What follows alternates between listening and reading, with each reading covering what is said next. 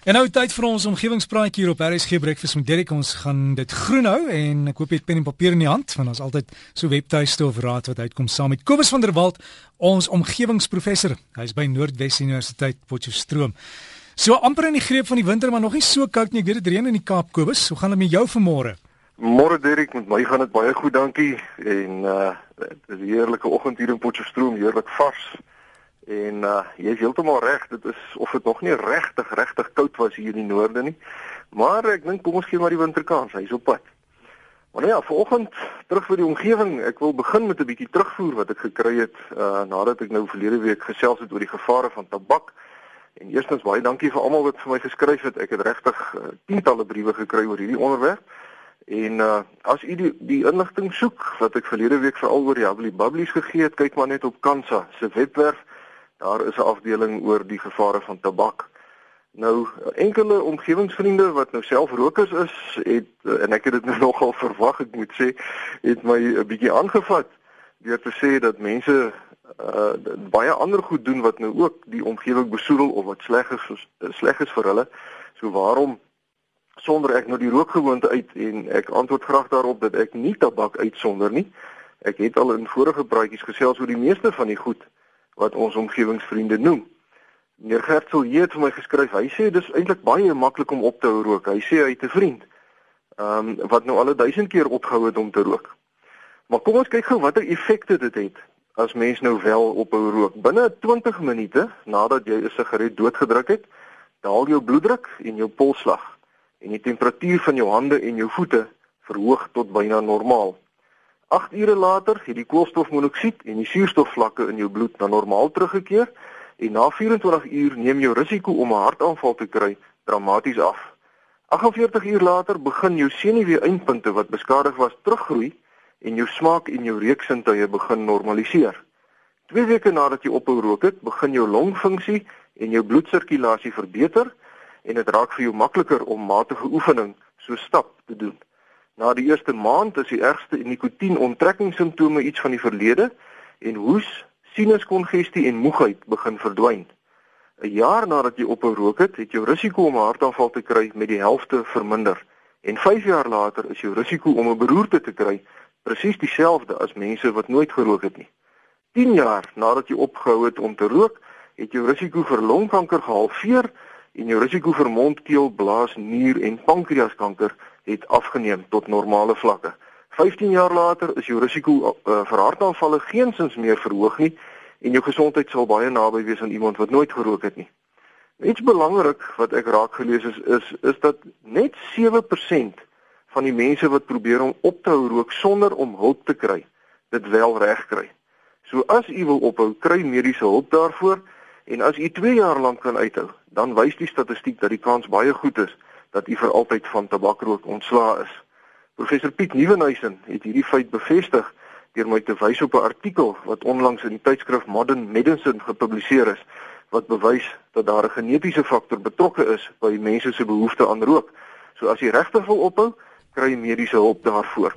En Kobus, het jy gesien ja, hulle sê nou oor koffie dieselfde, né? Uh koffie. Mm. Ja, ek weet nie of ek wil op 'n koffie drink nie. Daar is 'n bietjie koffie in 'n koffie, maar uh ja, dis miskien 'n onderwerp vir ander dag. Ek sal eers my huiswerk moet doen. Uh ek dink oormatig, jy weet die Bybel sê ook mos uh, hoe kan enigiets doen solank jy dit matig doen. Maar nou ja, genoeg om uh, eers oor rook. Uh iets anders, dit was die afgelope Woensdag wêreldomgewingsdag en ek het gehoor daar is 'n monitor ook berig daaroor, maar die fokus het vir jaar geval op voedselvermorsing. Nou die Verenigde Nasies se Voedsel- en Landbouorganisasie beraam dat 1,3 miljard ton kos jaarliks vermors word. En Amerika is weer eens die groot sondebok want die Amerikaners vermors meer kos as die Verenigde Koninkryk, Italië, Swede, Frankryk en Duitsland gesamentlik. Nou UNEP beraam dat globale voedselproduksie 70% van alle varswater op aarde gebruik en verantwoordelik is vir 80% van die ontbossing wat steeds aangaan. Voedselproduksie is die grootste dryfveer agter die verlies aan biodiversiteit en dit is ook verantwoordelik vir 30% van die kweekhuisgasvrystellings. So as ons omgewingsvriende die spyskaarte voorberei of dink wat maak ons nou weer vanaand om te eet, dink tog daaraan dat u so min as moontlik kos moet vermors, want die vermorsing van kos is uiters nadelig vir ons omgewing en dis natuurlik geldmos ook. En dan Derek, iets anders wat met kos verband hou, uh, wat ek ook raak gelees het die afgelope week is die herbruikbare inkopiesakke wat ons deesdae algemeen gebruik nadat ons begin betaal het vir die plastieksakke. Nou navorsers by die Universiteit van Pennsylvania, asook die George Mason Universiteit het na data gekyk van siektes wat voorkom in stede in Kalifornië wat die gebruik van plastiek inkopiesakke heeltemal verbied het sedert 2007. En hulle het toe ontdek dat herbruikbare materiaal inkopiesakke ideale broeiplekke is vir bakterieë wat ingewand siektes kan veroorsaak. In San Francisco byvoorbeeld het die voorkoms van maagaandoenings en sterftes wat verband hou met bakterieë bykans verdubbel nadat plastieksakke nie meer gebruik word nie. So dis dalk 'n baie goeie idee om al u herbruikbare materiaal inkopiesakke so eenmal 'n maand 'n slag mooi skoon te was sodat ons ons voedsel in skoon veilige sakke kan vervoer. En dan weer terug by briewe wat ek van ons omgewingsvriende af ontvang het. Mevrou Hermine Drotsky van Alberton het vir my vertel van 'n plan wat sy raak gelees het om die plastiek in die oseane op te ruim. Nou in die see, ek het al vroeër daaroor gepraat, word daar vyf areas gevind waar die seestrome al die gemos wat ons in die see laat beland konsentreer. Nou hierdie areas is vol plastiek wat deur die son en die see afgebreek word in kleiner stukkies totdat dit deur die seelewe ingeneem word en sodoende deel word van die voedselketting. Sommige van die plastiekstukkies is die bron van die giftige bisfenol A waaroor ek ook al gesels het, poligeklorineerde bifenole en ook polistireenreste wat almal toksiese stowwe is. Nou die effek van die plastiek op albatrosse is baie goed gedokumenteer. Ehm um, die albatrosse gaan van kos in die see en dan voer hulle hulle kleintjies deur die kos nou op te bring en dit is bevind dat baie van die klein albatrosse sterf van plastiek in die kos wat hulle ouers vir hulle voer. Navorsing het reeds bewyse gevind dat die plastiek in ons oseane um 267 spesies wêreldwyd nadelig beïnvloed. En die kommer is verder dat die gifstowwe in seekos gekonsentreer word wat deur mense geëet word. Hierdie proses van die opbou van gifstowwe staan bekend as biologiese konsentrasie en dit werk so, dit gebeur omdat klein mikroskopiese see-organismetjies elkeen nou 'n klein bietjie van die gifstowwe inneem en dan eet 'n groter organisme 'n paar duisend van die klein organismetjies en al die gif en al die kleintjies beland dan in die groter organisme. En 'n paar duisend van die groter organismes kan op hulle beurt dan weer deur 'n klein visie geëet word en 'n paar duisend klein visse deur 'n groter vis en so herhaal die proses homself met die gevolg dat al die gifstowwe wat aanvanklik deur miljoene mikroskopiese organismetjies opgeneem is, mettertyd in 'n enkele groot vis gekonsentreer word en dan vang ons hom en ons eet hom. Nou tot dusver was die mense magteloos om iets te doen aan hierdie probleem omdat die plastiek en die gifstowwe oor 'n reuse area versprei is en dit eenvoudig te veel geld sal kos om 'n effektiewe opruimaksie te loods. Die uh, plastiekkol in die noordelike Stille Oseaan is byvoorbeeld groter as die hele Suid-Afrika. Maar Hermine Drotsky van Alberton het vir my vertel van 'n 19-jarige Nederlander met die naam Bojan Slat wat wêreldwyd opspraak verwek het met 'n plan om van al hierdie plastiek in die oseane ontslae te raak. Hierdie Hollandse tiener lyk vir my 'n besonder begaafde en kreatiewe kerel te wees, want op 14 jarige ouderdom het hy reeds beloon met die beste idee in Suid-Holland toekenning en hy het in dieselfde jaar ook al reeds 'n Guinness wêreldrekord opgestel. Nou, hy is tans 'n lugvaart en ruimte-ingenieurswese student aan die Universiteit van Delft en sy plan is eintlik heel eenvoudig. Die hoogste konsentrasie plastiek in die see kom voor waar die seestrome in groot sirkels vloei sodat al die gemors dan in die middel van hierdie sirkels gekonsentreer word.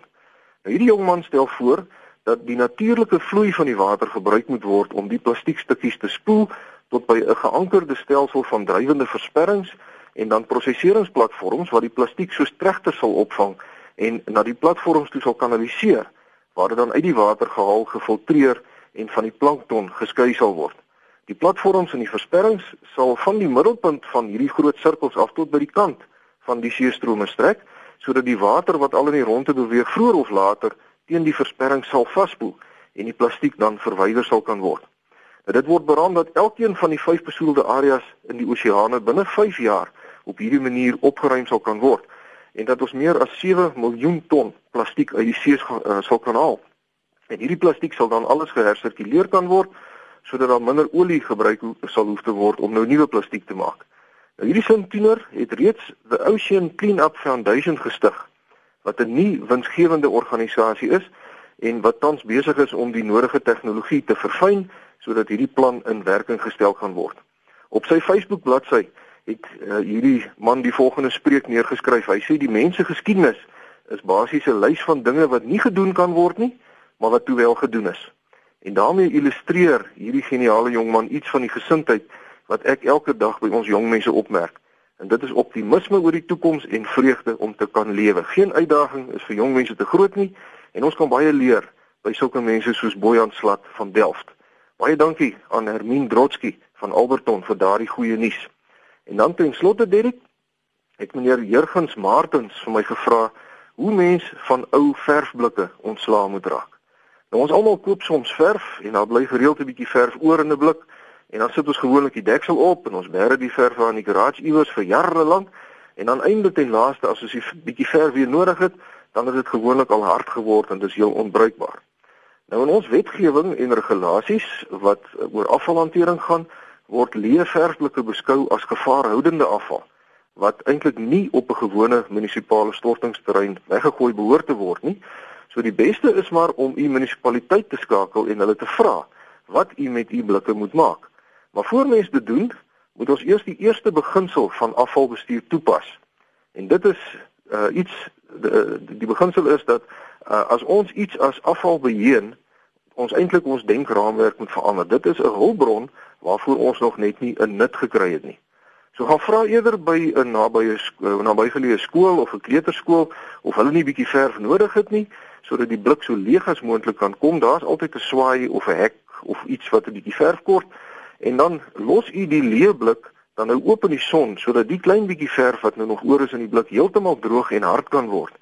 En dan kan u dit in ooreenstemming met u munisipale uh, regulasies en instruksies wegdoen as daar nie 'n hersirkuleringsmaatskappy naby u is nie. U moet asseblief egter onder geen omstandighede ooit afvalverf en dieselfde geld natuurlik vir afvalolie of afval uh, chemikalieë, uh, gifstowwe wat ons in die tuine gebruik. U moet nooit daardie goed in 'n afvoerpyp of 'n drein soos die uh, die die dit algemeen ken staat ingooi nie, want uh, sulke goed vergiftig die rioolstelsel. Uh en dit maak die bakterieë wat ons help om van hierdie hool ontslae te raak dood en dan beland rou riool vir 'n week of 2 in die natuur en dit is natuurlik uiters negatief vir ons omgewing. Derek, daarmee moet ek groet. Nogmaals baie dankie vir almal wat vir my skryf. Ek geniet die briewe regtig en ek lag baie keer selfs baie lekker so. Uh, baie dankie daarvoor. U kan gerus vir my skryf. My rekenaaradres is kobus.vanderwalt@nwu.ac.za of u kan my kry by die fakulteit Natuurwetenskappe, Noordwes Universiteit, Potchefstroom 2520. Vriendelike groete tot 'n volgende keer. Dankie Kobus en dan volgende keer bietjie oor die koffie. Hulle herken dit nou in Amerika en dan kan jy darm via jou medies van dit afgespeen word. Erik, ek gaan my bes doen.